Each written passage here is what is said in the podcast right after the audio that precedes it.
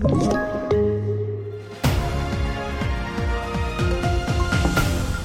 Här är TV4-nyheterna tisdag morgon. Det globala flygkaoset fortsätter. Sen i fredags har omkring 11 000 flyg ställts in världen över under en av årets största reseperioder. Omikronvarianten, oväder och personalbrist bidrar till de här problemen.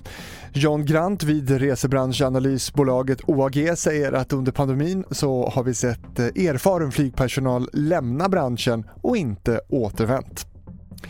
En villa i Borås började brinna under natten till idag. När räddningstjänsten kom till platsen hade de boende lyckats ta sig ut.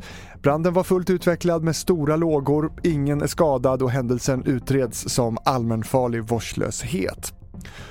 Och till sist om att representanter för USA och Ryssland ska träffas den 10 januari för att diskutera kärnvapenbegränsningar och spänningarna i Ukraina. Det här meddelar Vita huset.